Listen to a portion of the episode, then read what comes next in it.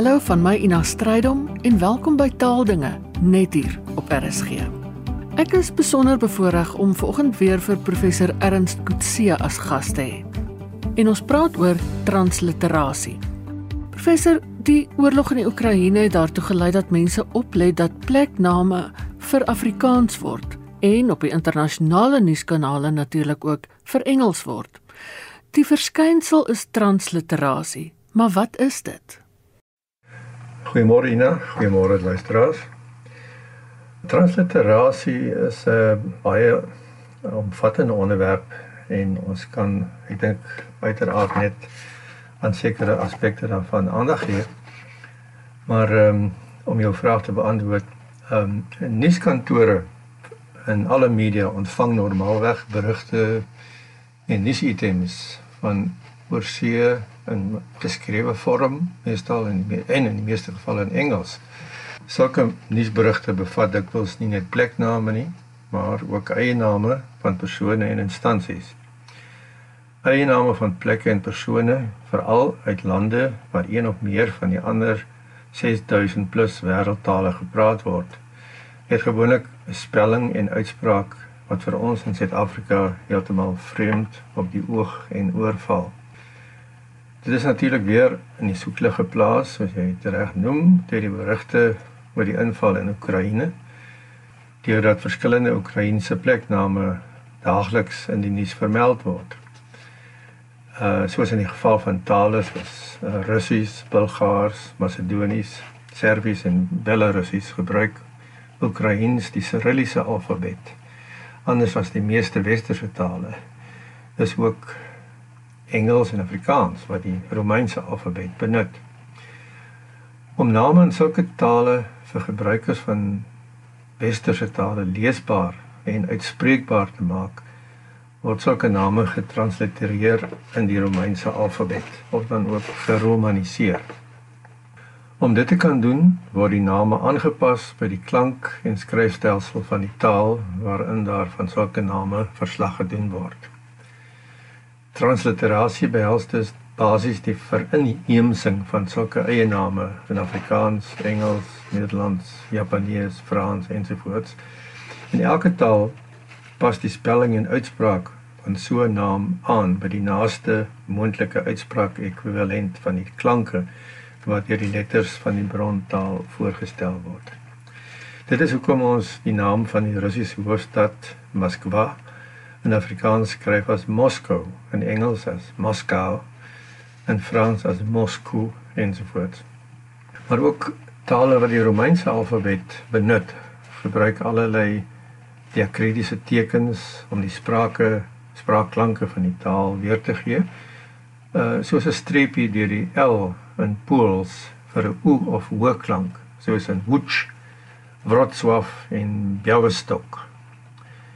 Die klankware van sommige letterkombinasies in byvoorbeeld Pools en Hongaars stem nie ooreen met die in die Germaanse of Romaanse tale nie.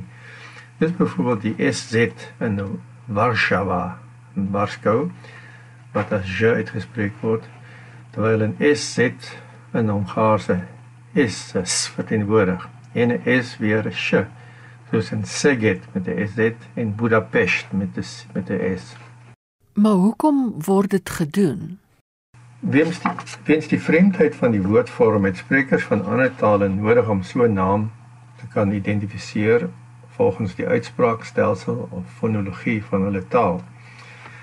In sommige gevalle of as die naam iets beteken, om die betekenis daarvan weer te gee. Die doel van transliterasie is dus om vreemde inhoud meer toeganklik te maak vir sprekers van ander tale.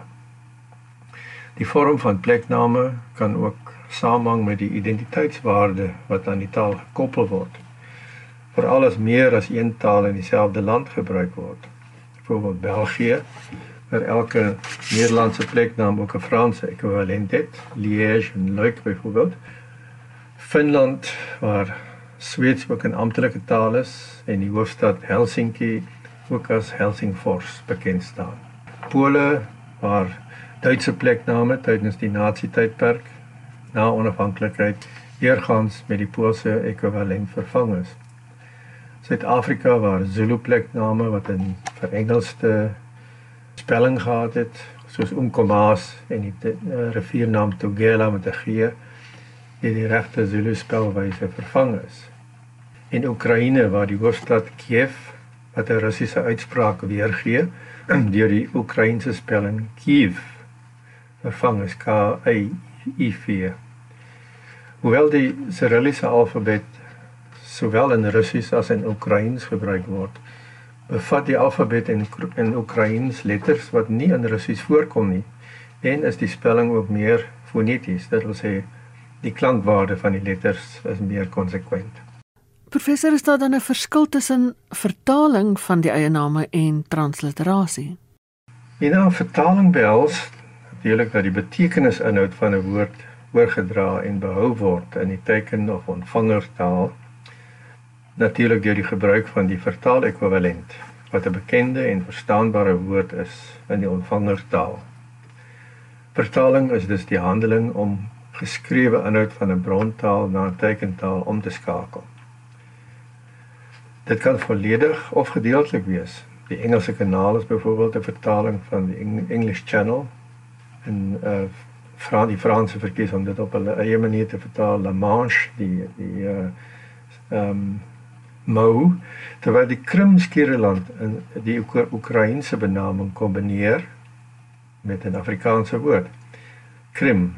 Die naam Krim kan ek Krim kan egter ook alleen gebruik word. Dit bring my by die verskil tussen vertaling en transliterasie.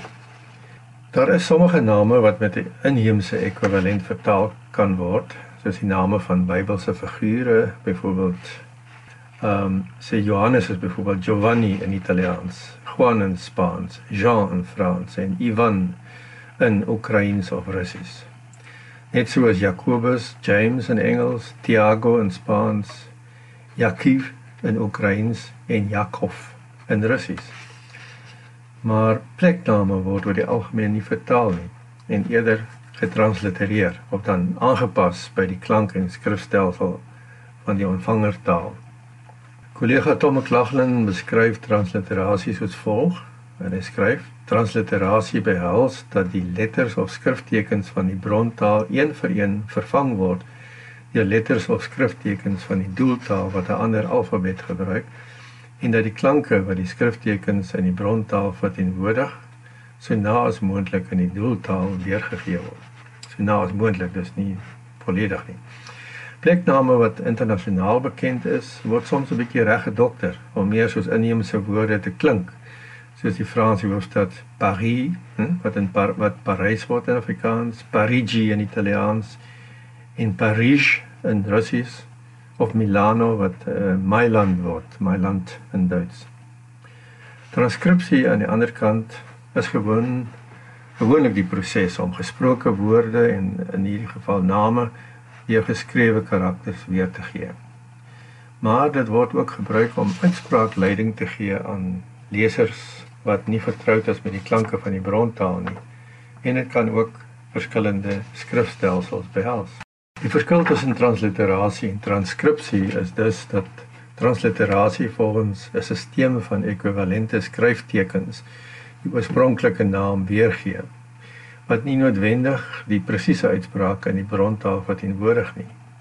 By transkripsie aan die ander kant word 'n poging aangewend om die uitspraak in die brontaal so presies as moontlik weer te gee volgens die interpretasie van die vertaler of skribent wat nie noodwendig ooreenstem die resultaat van transliterasie nie. Ehm um, by die klos word sulke plekname ook deur ehm um, subredakteurs Eh, vir Afrikaans volgens hulle eie interpretasie van gewoonlik die Engelse transliterasie van so 'n pleknaam. Maar dit uh, tersyde. Nou die verskynsel kom seker nie net voor tussen die Cyrilliese alfabet en die Romeinse alfabet nie. Wat van byvoorbeeld Oosterse tale soos Japanees en Chinees en gebeur dit byvoorbeeld ook met Arabies? Eerstens kan 'n taal wat nie die Romeinse alfabet gebruik nie, 'n amptelike transliterasiestelsel ontwikkel waar volgens name in die brontaal vir internasionale gebruik in die Romeinse alfabet weergegee word. En dit is byvoorbeeld in Chinese en Japanees gedoen. In Japanees word die stelsel Romaji genoem. Dis geromaniseerde skrif. En plekname wat so geskryf is, soos byvoorbeeld Fukushima, word as die amptelike skryfwyse in die Romeinse alfabet beskou en wêreldwyd so gebruik.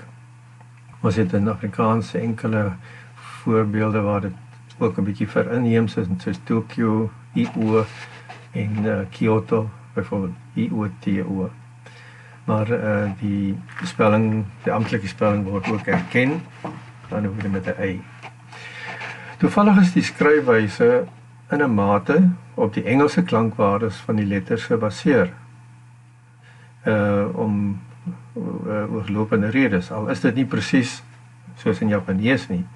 Maar as 'n mens nou in Afrikaans die naam van die Japanse berg Fuji F U J I as Fuji F O E D I sou skryf, is dit 'n transkripsie van die Engelse skryfwyse en nie 'n transliterasie nie. Transkripsies word, soos gesê, gebruik om aan 'n leser uitspraakleiding te gee en verteenwoordig nie uh noodwendig die skryfwyse wat amptelik erken is nie. In Chinese is daar meer as een romaniseringsstelsel wat gebaseer is op die uitspraak van Mandaryns waar presies dieselfde woorde byvoorbeeld anders uitgespreek word as in Kantonees wat in Hong Kong gepraat word. En die eerste stelsel, naamlik die sogenaamde Wade-Giles stelsel, het nader gekom aan die werklike uitspraak volgens die klankwaardes wat in westerse tale geld. En die hoofstad van China is geskryf as Peking, P E K I N G. En die naam van die bekende kommunistiese leier as Mao Zedong Die Chinese regering het egter nou 'n nuwe amptelike stelsel in gebruik geneem, 'n aantal jare reeds, die sogenaamde pinyin-stelsel wat in baie opsigte afwyk van die klankwaardes van die letters. So word die p p klank byvoorbeeld as 'n b geskryf en die t klank t as 'n d sodat die uitspraak van die hoofstad wat in Mandaryns Beijing is as Beijing geskryf word en Mao Zedong is Mao Zedong geskryf word. Mense sou kon sê dat die amptelike Chinese geromaniseerde skryfwyse die internasionale nuuslesers op 'n dwaalspoor lei. Maar dit is die vorm wat algemeen in gebruik is en op 'n dwaalspoor sal ons maar moet bly. Wat Arabies betref, is daar uh soos ook vir Grieks, Hebreëus en ander nie-Romeinse skrifstelsels transliterasietabelle opgestel deur die UNESCO uh van die Verenigde Nasies se groep deskundiges oor geografiese name wat universeel in nuusmedia gebruik word. Die die die ideaal is dat hierdie tabelle as basis moet dien om internasionaal dieselfde transliterasies in die Romeinse alfabet in alle tale te gebruik wat die Romeinse alfabet gebruik of benut en dat daar vir elke ontvangertaal, byvoorbeeld in Afrikaans, uitspraakleiding van sulke getranslitereerde name gegee word gebruik deur die elektroniese media. In die meeste gevalle sal dit onproblematies wees, maar dit gebeur dikwels dat Engels nie die klanke ken wat in die brontaal voorkom nie, terwyl dit byvoorbeeld in Afrikaans en ander tale wel bekend is. So word die g klank wat in Russies, Nederlands, Arabies en Afrikaans voorkom, in Engelse transliterasies deur K. Haak voorgestel. En in Afrikaans moet 'n mens weet dat dit nie 'n k klank verteenwoordig nie en dat die pleknaam in Oekraïne K H A R K I V as Kharkiv of eintlik Kharkiv want die ehm um, Oekraïners spreek die laaste IV dikwels as 'n o uit u. In sulke gevalle word daar om 'n meer autentieke weergawe van die werklike uitspraak moontlik te maak vir die mees bekende tale transliterasie tabelle opgestel. Dit sou natuurlik 'n onbegonne taak wees om dit vir elke moontlike taalkombinasie te doen. Maar internasionale prominensie op die nuusfront is 'n nuttige maatstaf. Wat betref Afrikaans en die Slawiese tale wat in die Cyrilliese alfabet gebruik uh word, of wat die Cyrilliese alfabet gebruik, is daar in die laaste 3 uitgawes van die Afrikaanse woordelys en spelreëls so 'n transliterasie tabel met voorbeeldwoorde en die ooreenstemmende letters en name in Afrikaans en Engels opgeneem.